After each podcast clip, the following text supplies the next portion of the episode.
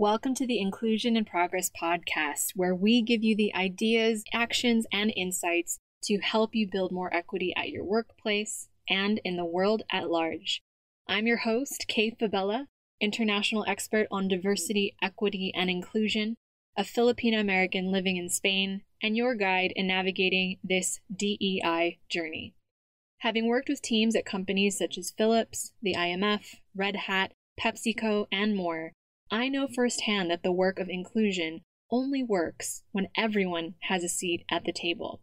Regardless of your personal entry point into this conversation, your race, ethnicity, gender, ability, age, sexual orientation, country of origin, or educational background, we all have a role to play in creating inclusion for all.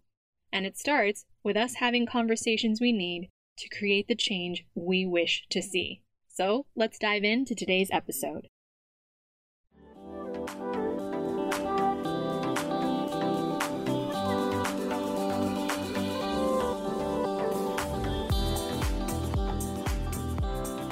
Hello there, and welcome back to Inclusion in Progress. So, as this episode is coming out today, Team IIP will be on our way to drumroll, please. I can't do a drumroll. Imagine there's a drum roll. We're going to Kenya. that definitely deserved a drum roll. But seriously, we're finally going to get some co working and brainstorming sessions in, do some sightseeing together for those of us who it's our first or some of us our second time in Africa. And of course, make up for all the real life hugs that we haven't gotten over the last couple of years, working fully remotely across the different geographies that we occupy. So, since some of our team is based in Nairobi, we'll be spending a few days getting a tour of the capital city before heading to Mombasa along the coast. I'm very, very excited, and I know all of us are too. As much as we've loved working together virtually, and with how much we've been able to accomplish together, despite having never met before, there really is nothing like being able to see one another in person, is there? I know, I know, the remote work lady, she's like, oh, but virtual, but also in person. so, all that to say, we're very excited. And if you want to follow along to see how the trip is going, feel free to connect with me on LinkedIn, pretty much the only social media platform I'm on these days. But look up Kay Fabella. That's F as in Frank, A as in Apple, B as in boy, E double L A. And I'll do my best to post at least one or two photo updates from our in person meeting for Team IIP. Now, of course, I know you're listening to my voice on these episodes every month, but getting these episodes out, and I cannot stress this enough, is really a team effort to make sure that listeners like you continue to benefit from our latest industry insights into how the diversity, equity, and inclusion conversation is evolving in the companies we work with, like Red Hat, Instagram, the IMF, and more. We're really committed to creating accessible content to support equity minded listeners like you to lead change in your workplace. It's obviously something we're incredibly passionate about. So, with that in mind, as we close in on our 100th episode this year in 2022, could you please do us a five minute favor? Now, if you're a longtime listener or you've just discovered us, welcome, and you found value in the first few episodes that you've binged, we would really appreciate you leaving us a review on either iTunes or Spotify or whatever podcast player you are listening to us on. Because every review really helps us reach those who would gain value from these episodes, who decide whether or not they're committing themselves to a new podcast. especially when we really want to disseminate our open conversations around diversity and inclusion, around accessibility, around the future of work, around remote work, and of course, cross cultural teams. Ratings like yours really help boost the show in the algorithm of wherever folks are finding us so that more people leading equity and inclusion have access to the discussions that we're having here.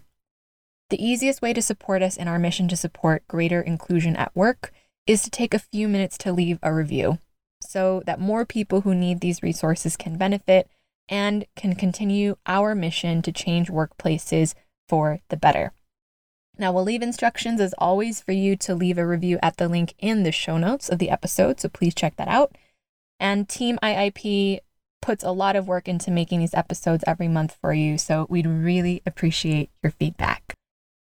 Now, for today's episode, we're diving into what we've seen as the number one barrier to remote teams being truly effective. Now, we've seen this on our team, and we've seen it for the client partners that we've consulted with from all over the world. Now, we've already talked about the importance of psychological safety for remote teams in previous episodes, so please check those out if you haven't already. And of course, psychological safety's importance to innovation.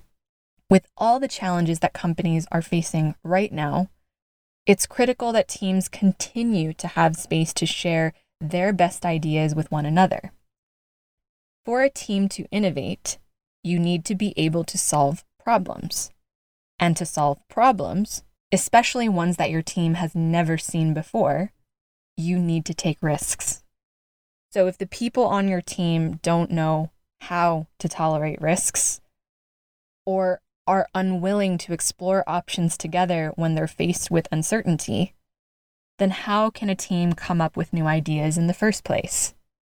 Without risk tolerance and the ability for your team to work through challenges together, it becomes a huge barrier to virtual teams working effectively. Risk tolerance is really just another, you can call it a fancy way, of saying resilience in the face of uncertainty. And it's important for the psychological safety on a team that a remote team has, especially, to be able to lean on one another and navigate that uncertainty together. So, for today's episode, we're going to look at specific ways that individuals can increase resilience or risk tolerance on a remote team and contribute to an environment where you and your team can lean into uncertainty rather than shying away from it in a virtual work environment. So, a big risk that folks feel when they're talking on a team is not being seen as the quote, nice one. Now, you know you love my air quotes if you've been listening for a while, so I'm definitely putting nice one in quotes. Now, I say this because the people who are less likely to raise ideas that will challenge the status quo on the team are often underestimated or overlooked voices. Now, if we go back to a theme through several episodes we've had on this podcast, cultural differences that we have in raising concerns and ideas in front of authority during discussions, it's usually these overlooked voices that may also face some sort of bias because they are perceived as, say, not contributing to the conversation or they feel like they're working against a stereotype against their particular group.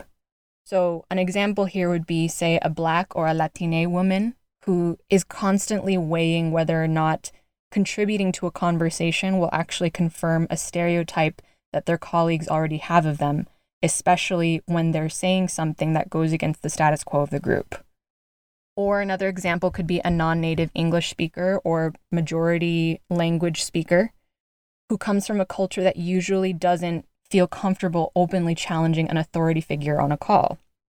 And so they might be labeled as not contributing to the conversation as often. So people who may also disagree with the direction of a team may just be simply intimidated to raise their concerns and suggestions, whether they come from an underestimated or overlooked group or not, especially when we have a team status quo. Another reason why folks are afraid to risk not being seen as the nice one on a group is there often is this pressure to be seen as an expert right? So it's important when we're discussing this with teams to allow space to help team members raise their hand to ask a question instead of avoiding not asking for help or clarification when they need it. Now, some team members we've worked with struggle to share ideas because they feel that pressure to look like the expert and don't want to be seen asking the dumb question in front of their peers. So, to alleviate this, we normally work with the team leader or more senior members of the team who've been there for longer to model an environment where asking questions is actually encouraged. When you are leading a virtual team, it's important to let your people know that you also do not think of yourself as the smartest person in the room, which will allow for hopefully a more collaborative atmosphere where people can risk not being seen as the quote unquote nice one and sharing their ideas more freely. Now, acknowledging that you are not the expert or the smartest person in the room will actually encourage those on your team to give their own insights, to not be limited by groupthink, and maybe even motivate folks who may not have been willing to step up in the first place. The challenge of groupthink is often intimidating to people because they don't really know how to share their ideas when working in a distributed environment because they don't want to be seen as being difficult. Now, many of us have the idea in our heads that working on a team means that everyone agrees all the time, or we're working to reach consensus in the quickest time possible. But unfortunately, research actually shows that consensus based problem solving groups are often where innovative ideas go to die. so, those groups are actually highly prone to groupthink, meaning that quick agreement around the status quo to find those solutions with little discussion or deliberation means that the group often tends to fall into a groove or pattern that doesn't encourage innovation. So, some of the ways that we recommend to avoid groupthink include first, giving permission or modeling how to challenge the status quo, especially for those who may not necessarily know how to voice their opinions on their teams. Groups are generally tempted to gravitate towards the status quo because they face a high cost if they fail. So, what we saw in groups that have overcome groupthink in our research is that it began with one member expressing dissatisfaction with the status quo. And eventually, just by having somebody model and say, hey, is this an idea that we really actually want to move forward with? Or can we discuss this a little bit more, for example, could be a trigger on your team that can give other folks permission to say that whether they're not satisfied or they might be more open to embracing new and different approaches and would like more time to discuss it. Creating these triggers on your team gives other team members an opportunity to reveal how they each view the problem at hand and gives them the permission to discuss in an environment of psychological safety. Another thing that we recommend is adopting a placeholder solution. Now, teams often get stuck on a way forward because they are pressured to come up with an answer instead of finding time to discover the best answer. And this is common in every organization. So, creating a placeholder solution that the team can revisit later, while it may not be the final solution, can function as a transitional placeholder that allows the group to think both concretely, so drilling down on how the idea might work, and abstractly, meaning developing agreement around the broader principle that they're discussing. So think about this like treating a new idea as being in rough draft phase rather than forcing a final draft to meet a deadline. Helping your team to relieve the pressure of finding an answer and entering into a space where experimentation and going against groupthink is encouraged. Another recommendation we have for going against groupthink is celebrating progress towards agreement. Now, teams who adopt something like a placeholder solution can come to consensus around the why of the idea that they're trying to execute, even if they disagree about how they're going to execute it. Because if you frame the lack of final agreement as progress, it maintains team morale and encourages forward momentum for you. So you can always revisit this placeholder solution at a later date or utilize your asynchronous tools to continue brainstorming on it after the initial discussion is done, which again encourages innovation. So, we looked at first the risk of not being seen as the nice one and some ways to overcome that challenge, which is groupthink. Now, let's look at another risk that we need to build into our teams, which is that of not being seen as the quote unquote overthinker. Now, if you need time to make a decision, you're actually avoiding the bias that's common in many organizations and on many virtual teams of needing speed to get things done as quickly as possible. So, making time to actually come to a decision that makes the most sense for the team gives people on the team the ability and the time to be thoughtful. It's no secret that teams, especially when they're working in a high pressure work environment where they don't see one another, often feel pressure to come up with an answer quickly, as we've already discussed. Now, this is detrimental because it means that the fastest answer is usually seen as the best one. rather than encouraging the type of deep work and thinking that complex problems and innovation require. Now, this need for speed is especially true when teams are working virtually, when team members are distributed across time zones and countries and cultures, and are often waiting on others to be able to continue their own work. Worse yet, team members who value and want to engage in deep thinking don't want to be perceived as the slow ones or the people who are the overthinkers, which they're worried will hold up the process for the rest of their team. Again, this is where we work with teams to increase risk tolerance by modeling and encouraging pauses. Now, if you visited our website, inclusioninprogress.com, you'll see in our values section, one of the things that we model is called pause to progress or progress, depending on where you are in the world. And the importance of pauses really is just about giving yourself the time and space to encourage deeper thinking, to ask questions, and process information in a way that actually leads to a deeper and more lasting solution. So, if your team is asking a question that you don't know the answer to, either encourage them to come up with the answer themselves so they can practice, or inform them that you'll get back to them once you have the answer. And then, of course, be sure to inform them of the answer as soon as you have it. By modeling this, it shows other team members that it is acceptable and even expected that you don't know everything at a given time, and that it is absolutely okay to double and triple check before getting back to others with an answer that you know will ultimately affect your workload and theirs. With that said, of course, teamwork in a distributed environment still requires effective decision making. So, where's the balance? One of the tools we share with teams is the 10 10 10 rule.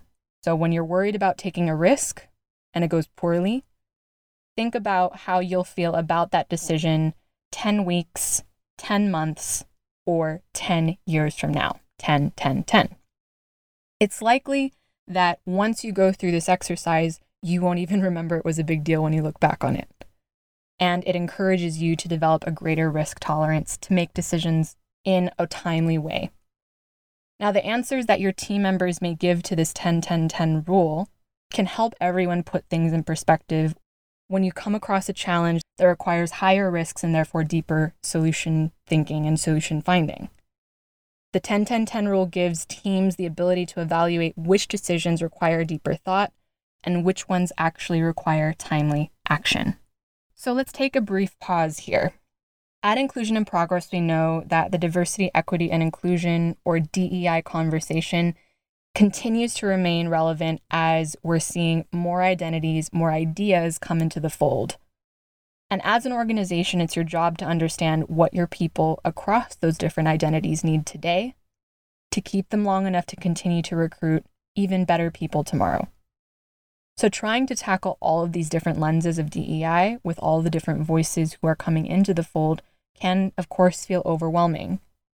But rather than looking at the entire room of options, we recommend starting in one corner and working your way outward to make the most impact.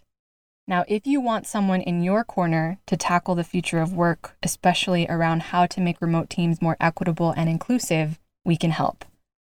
We are excited to continue partnering with forward thinking leaders like those of you listening who know that the future of work will require creativity, agility, and consistency to meet the challenges of recruiting and retaining your best people. One of the ways we can support you is through our inclusive virtual work survey. Now, as a fully remote team that is comfortable gathering data across cultures and borders and knows the challenges and benefits of supporting teams working virtually, we've guided the likes of client partners like Red Hat, Instagram, and more with how to implement structures and systems that support your teams in achieving their best, no matter where they come from or where they choose to work, so that you can increase the likelihood of retaining your best people and your best ideas on your team. If you'd like to learn more about our inclusive work survey and how we can start rolling it out for your global DEI strategy, head to the link in the show notes to book a call to learn more. We've already started finalizing work on this survey for client partners for the first half of 2023. So if you'd like to book a call with us before 2022 ends, email us directly at info at inclusioninprogress.com to book a call and learn how we can help you gather the data that you need for an inclusive, flexible work strategy that retains your best people and propagates your best ideas. Finally, let's look at the risk tolerance that we need to embed on remote teams, which is the risk of not being seen as a quote unquote slacker. Now, by this point, all of us have heard of this term quiet quitting, which I may do a hot take on another day, but honestly, we've seen so many different conversations around the topic that it should be its own episode. But for virtual teams, we know that there is an expectation to perform. Whether, of course, it pertains to your actual job performance, how well you're doing your job on a day to day basis, or even the practices and the behaviors of a virtual work culture, which is how you're perceived by your team members, whether it's on your Slack or your Symphony or your Teams channel. Now, the reality is, with so much uncertainty in the world, in the future of work right now, and how things are going in companies, many team members can feel overwhelmed, which is leading many team members to burn out or engage in that so called quiet quitting. Now, the solution that we found here is creating a virtual work environment where you track effective output over time spent working. Now, this is a concept that we've already discussed on many episodes on this show, but really focusing on effective output over time spent really helps reduce the risk that someone on a virtual team feels when they ask for time away or indicates that they'll be taking a pause during their workday. Again, as a leader or a fellow team member, you can highlight knowing when to take time away, setting clear expectations about when you'll be available and when you won't, coming down to clear communication, encouraging others to share what they're going through without the fear of being seen as an underperformer is really done through modeling that behavior ourselves. When you're able to open up conversations about taking time away and the importance of taking time to recharge, it really does have a knock on effect for the rest of the team. So it's really important for not just you as a senior leader, but also a team member to set that example on the team. Taking your mental health breaks is needed, communicating when you need to step away and when you'll be back, and showing up when you say you will. And letting folks know when something else is occupying your mind and time and asking for patience. Now, for example, on Team IIP, we have a weekly wrap up channel where we share something that we're doing for our mental health that weekend to disconnect. And we normally spend a good chunk of our actual live calls catching up and asking how we're doing in a non work capacity. More recently, as we shared in episode 92 on the podcast, we highlighted why our team took a month long break in July 2022, which for me personally was the first month that I've taken off in nearly 10 years. And it was easy for us to share this with our client partners because we've also embedded practices that support our mental health into how we communicate with them and how we deliver work. So, when you're able to model navigating overwhelm openly with your own virtual team in a non work capacity, you'll be amazed at how much more folks will open up when discussing your next big idea together because they feel that they're seen, heard, valued, and supported and able to take risks personally will have a knock on effect in how they show up in their work capacity on your virtual team. So, there you have it the number one barrier to virtual team effectiveness, and a few of the common risks and recommendations, and even a few exercises to help increase risk tolerance and resilience for your distributed team. Now, at Inclusion in Progress, we know that the DEI conversation might seem daunting for organizations, especially with all the things that are happening everything feels urgent. Companies and leaders are taking on new roles and defining future workplaces that work for everyone. So, if you're a forward thinking leader listening to this, you know that it's your job to understand what your people need today, to keep them long enough to continue contributing their best ideas to your organization and help recruit even better people tomorrow. Trying to tackle all of the different lenses of DEI can often feel overwhelming and it's okay to ask for help. So if you want someone in your corner, Inclusion in Progress partners with forward thinking leaders like you through both data driven and qualitative strategies that center the well being of your people, no matter where they come from or where they choose to work. Making flexible work truly equitable and inclusive is our mission, and it's how we can support you through things like our inclusive virtual work survey. We are a fully remote team that spans EMEA, APAC, and the Americas, and we've over time grown comfortable gathering data across cultures and borders. And we know the challenges and benefits of supporting teams working virtually. So, with that in mind, we guide you on how to implement structures and systems that support your teams in contributing their best ideas and perspectives to your company. So, to learn more about our inclusive virtual work survey and how we can start rolling it out to support your global DEI strategy, head to the link in the show notes to book a call to learn more. Now, again, we're finalizing our bookings for this year, and we're already booking some client partner work in 2023. So, if you'd like to learn how we can support you before the end of 2022, email us at info at inclusioninprogress.com to book your call. Now, as always, thank you so much for listening. Thank you for continuing to share these episodes with others, and we'll see you next time on Inclusion in Progress.